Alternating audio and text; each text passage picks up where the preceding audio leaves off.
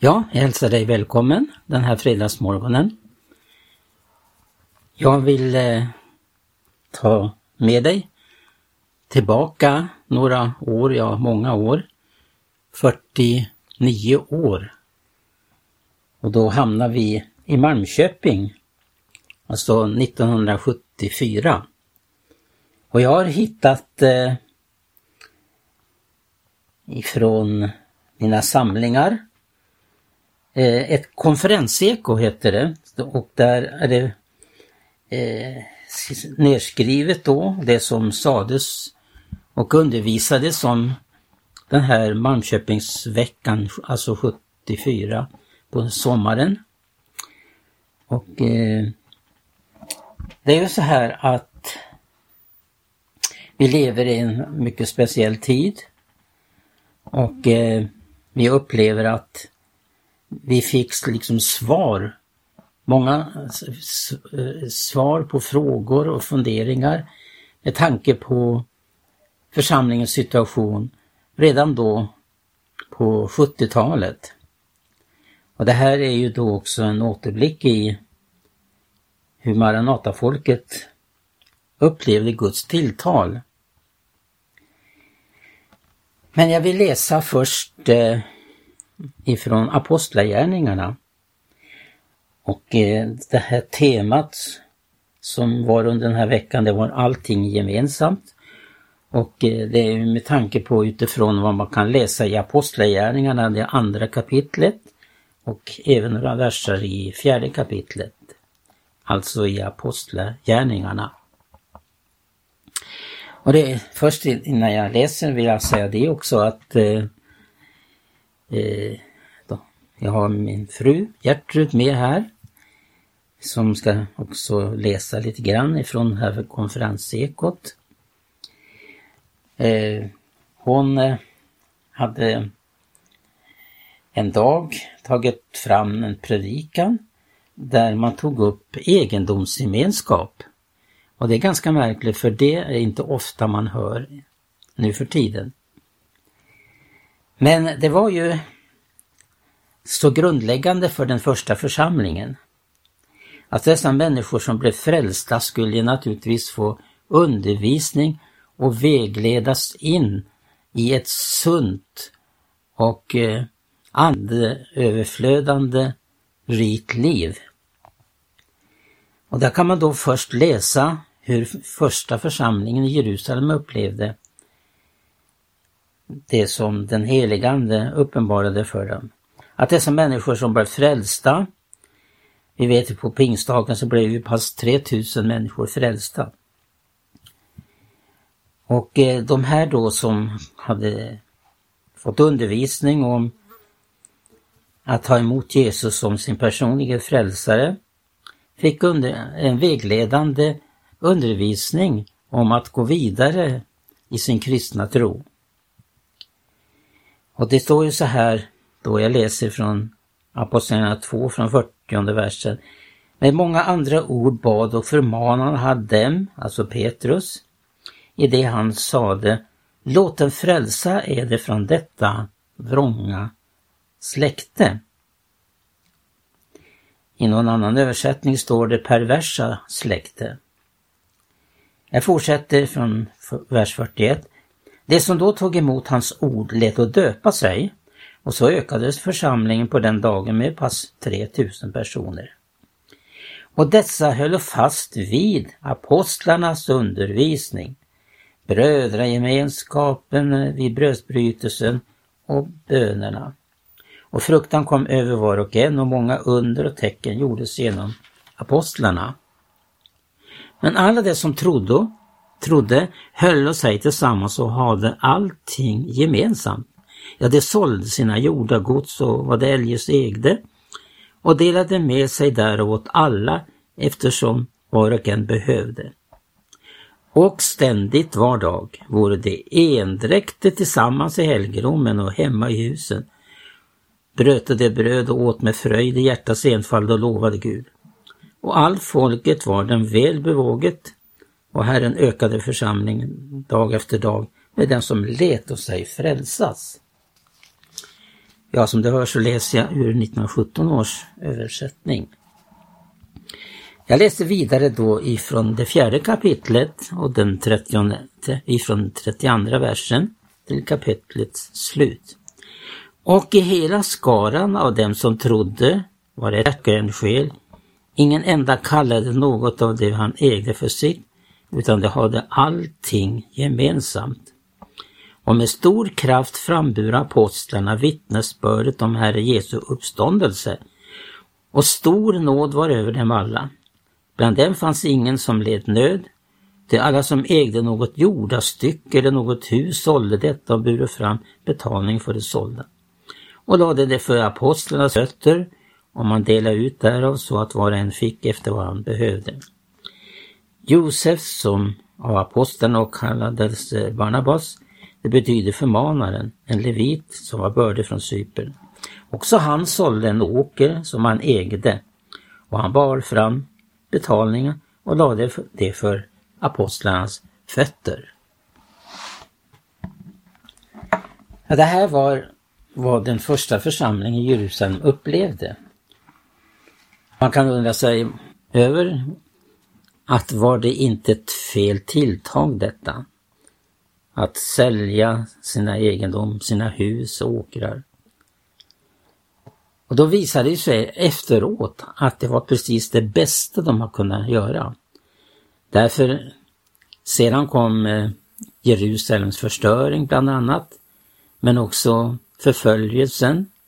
Man fick fly från hem och eh, släkt för att eh, man upplevde Guds mäktiga gärningar så tilltog ju förföljelsen. Och vi kan ju läsa genom hela apostlagärningarna eh, att det utspelades mycket dramatiska ting. När man ville gå helt ut i vad evangelium förkunnade. Att som Paulus som säger att han blev sänd av Gud för att upprätta trons lydnad bland alla hedna folk. Evangelium kom ju till hedningarna också och man fick ju uppleva att eh, man fick en helt annan syn på sin tillvaro, på de materiella tillgångarna och så vidare. Och det var det här som också togs upp under den här konferensen i Malmköping 74. Och då skrevs ett konferenseko. Och mottot eh, var just under den veckan allting gemensamt. Och det finns ju flera ting som eh, verkligen stämmer överens med den första församlingen i Jerusalem och vår tid. Det är mycket som är likt med tanke på världssituationen idag så får vi uppleva att det finns någonting att bygga på. Och det är Guds eget ord. Allt det här som vi ser omkring oss i världen, världens riken, det går ju mot sin upplösning. Och det är ingenting att satsa sitt liv på. Gud vill att vi ska satsa på hans rike och få leva återhållsamhet i alla stycken som det heter. Därför att eh, allt det här det vill hindra oss att leva efter den apostoliska undervisningen som man fick del av den första tiden i församlingens historia. Under den här alltså veckan togs det upp, det var Arne Imsen som ledde bibelstudierna och eh, där eh, tar han upp också just materialismen. Han tar upp situationen var en sann kristen ska ställa sig inför, att det gäller militärtjänst, det gäller arbete, fackförening, skola, barn, familj. Ja, det var brann, brännaktuella ting. Men var det brann, brännaktuella ting på den tiden, på 70-talet, är det, det många gånger mer aktuellt idag när vi ser utvecklingen i vårt samhälle. Jag kan bara eh, citera några eh, eh klipp härifrån det här konferensekot. Några axplock. Så här lydde undervisningen bland annat. Så här står det, genom de rapporter som nått oss om svält och hungersnöd i världen förstår vi att även vi mycket snart måste inrikta oss på en betydligt enklare livsstil. Och detta redan nu om vi ska kunna fungera under de knappa omständigheter som vi kommer att tvingas in i. Vi vet vad som ska komma, ty vi lever före vår tid. Vi har redan informerat om det i skriften. Vi måste räkna med att gå helt en annan väg än de flesta. Istället för att kräva en ökning av vår standard måste vi vara beredda på att eh, sänka den för att kunna komma andra till hjälp. Hade de kristna i Skandinavien förstått att förverkliga detta hade säkert missionssituationen varit annorlunda i stora delar av vår värld idag. Eh, det är i sista delen av Apostlagärningarna 2 där det talas om att det hade allt, att det som trodde höll oss tillsammans och hade allting gemensamt. Eh, som det urkristna församlingsidealet kommer fram. Eh, den mentalitet som där synliggörs är det enda som skulle kunna bryta igenom den materi materiella eh, egoismen som många idag är bundna av. Om den eh, gemenskapstanke förverkligas skulle detta ge oss en ny eh, värdig möjlighet att evangelisera. Ingenstans i Nya Testamentet möter vi heller manifestationen från Gud så oerhört starkt som i samband med förvaltning av de materiella tingen. Vi behöver bara erinra oss om vad som hände med Ananias och Safira. Vidare står det så här. Det går inte att skilja mellan det andliga och det materiella maktsfären. Hela människan måste komma in under Andens totala kontroll. Det ges inget privatområde. Resultatet av det första kristna syn blev också att eh, ansvarstagande eh, på ett konkret sätt. Det sålde sina jordagods och vad det eljest ägde och det delade med sig därav åt alla eftersom var en behövde, läser vi. Ett sådant skede kan icke tvingas fram politiskt. Det är baserat på kärlek och det är en tvingande kärlek. Jag fortsätter här, eller jag ber Gertrud fortsätta läsa här. Eh, kan börja här. Mm. Gud vill att vi ska komma in i ett idealiskt livsmönster. Frälsningen handlar om ett nytt liv, men också om en ny livsstil. Församlingslivet får då även konsekvenser för vårt familjeliv och för vårt arbetsliv. Ett problem i alla tider har dock varit att man ryckt loss församlingslivet från livet i övrigt. Låt oss skapa ett idealsamhälle genom politisk verksamhet så att vi kan förändra strukturerna som är ett hot mot ett sunt samliv, säger man. Våra möjligheter till det är dock så gott som obefintliga. I Nya testamentet kan vi inte finna någon sådan tankegång. Vi kan endast påverka genom individens frälsning så att samhällsmiljön förändras inifrån. Här, det är här församlingen har sin stora betydelse. I den måste finnas ett sådant andligt klimat att människor även socialt kan utvecklas på ett rätt och sätt. Därför måste församlingen vara ett idealsamhälle i miniatyr. Den måste fostra människor för både familjeliv och arbetsliv. Vi går inte ut för att göra församlingsliv av samhället. Vi arbetar inifrån för att åstadkomma ett sunt samhällsliv i församlingen. Ja. Ja.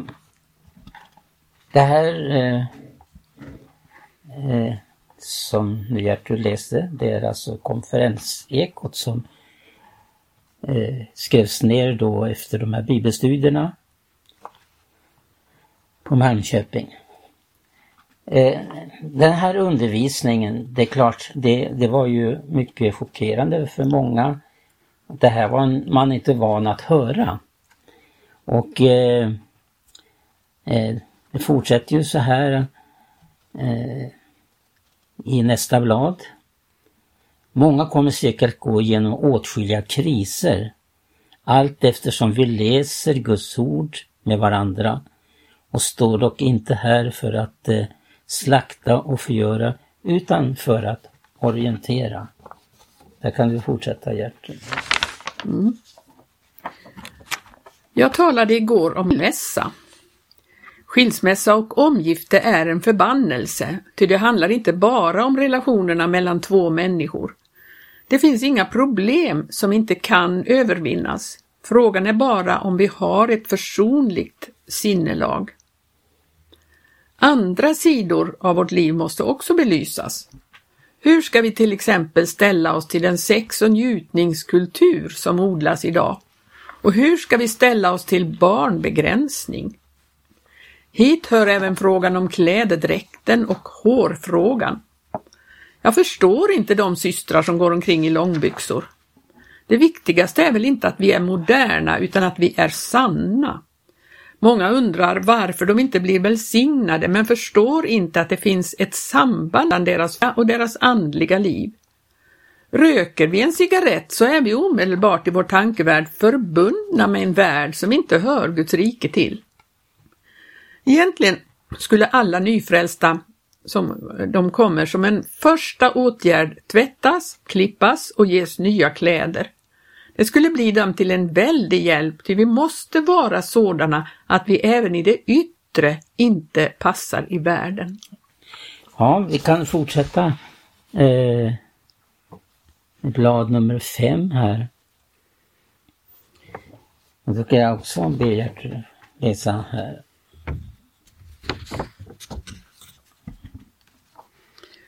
Eh, det har jag sagt att skulle man kunna sammanfatta med orden bort med det. Bort med, det kosmetik, med kosmetika, smycken och preventivmedel. Jag säger det inte för att utan därför att alla dessa ting är ett hot emot livet. Vi befinner oss inne i en väldig kamp. Bort med lyx och frosseri. Det anstår inte Guds folk att leva i materiellt överflöd. Finns det medel ska de fördelas eller skyndsamt föras in i missionen.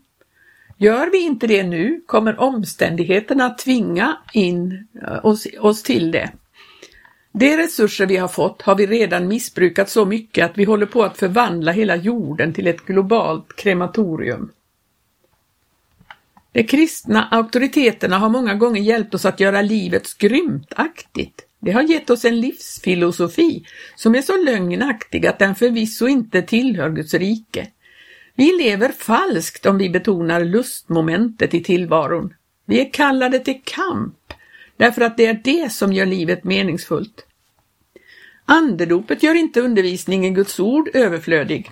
Anden leder tvärtom människan till Jesus som är ordet.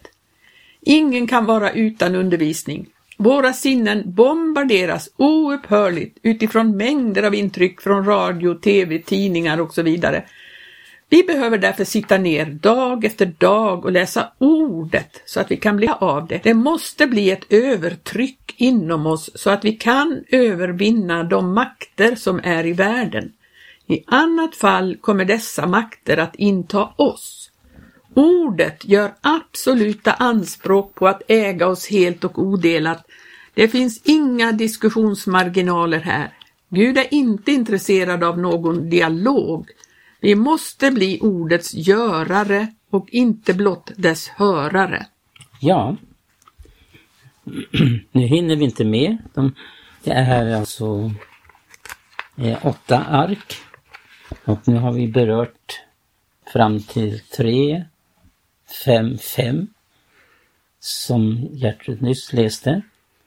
Men eh, vi återkommer nästa fredag och läser då 6, 7, 8. Det här var alltså ifrån konferensekot i, eh, i 1974 i Malmköping. Det här är, var ju en undervisning som drar upp riktlinjer utifrån vad Guds ord lär om den kristnes förhållande, hur han ska leva sitt liv i den här världen. Guds rike, den, det kan ju inte få plats här i världen. Därför så blir konfrontationen alltid intensiv och svår för den som vill stå helt för, på ordets grund. Det är väldigt viktigt också att eh, vi inte backar här utan Eh, upplever att när man lyder Guds ords undervisning så ger Gud kraft till att vi kan förverkliga vad de första kristna fick vara med om att förverkliga.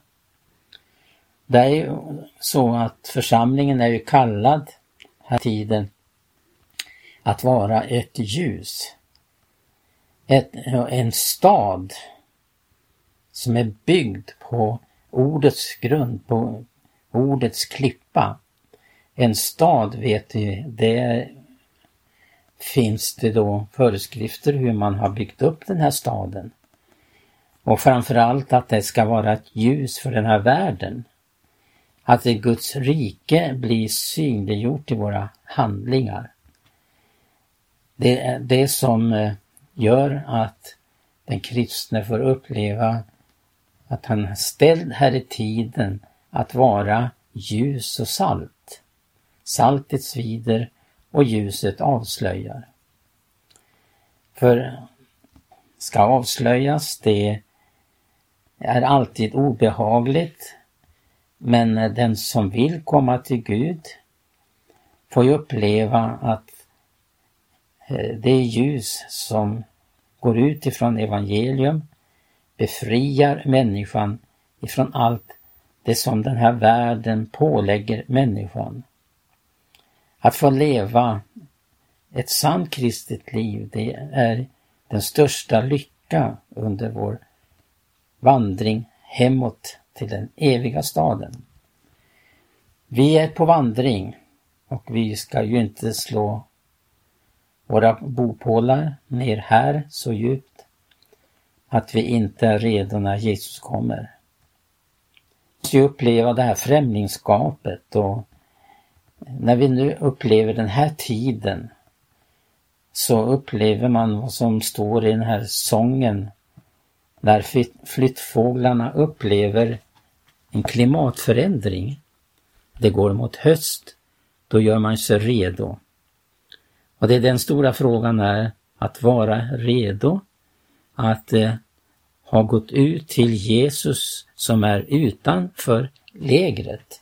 Han passade inte in någonstans. Därför så fick han uppleva sitt öde på grund av det. Han gav sig aldrig in i något sammanhang därför att eh, han kom hit i tiden för att eh, eh, synliggöra Guds rike genom sitt ord och sina handlingar. Det var någonting som människorna verkligen förvånades över. Hur kunde han ha framgång som inte ville eh, involveras i något av det vad världen representerar. Men han gick triumferande, segrande genom eh, sin livsvandring här på jorden. Han vann en fullständig seger över djävulen, över världen, över allt vad den fallna människan representerar. Vi bör verkligen vara tacksamma för att Jesus kom och lämnade en förebild där det till och med står att vi ska vandra så som han vandrade. Det är den kristnes låt. Men vi upplever att ingenting kan skilja oss ifrån Kristi kärlek. Har den väl fått plats i våra hjärtan är vi oövervinnliga. Kärleken den tror allting, hoppas allting, uthärdar allting. Ja, vad ingenting annat förmår, det förmår kärleken. Kärleken till ordet, vad Guds ord undervisar om. Ja, vi får avrunda här. Och så återkommer vi det, ja nästa fredag. Gud välsigne var och en som har lyssnat.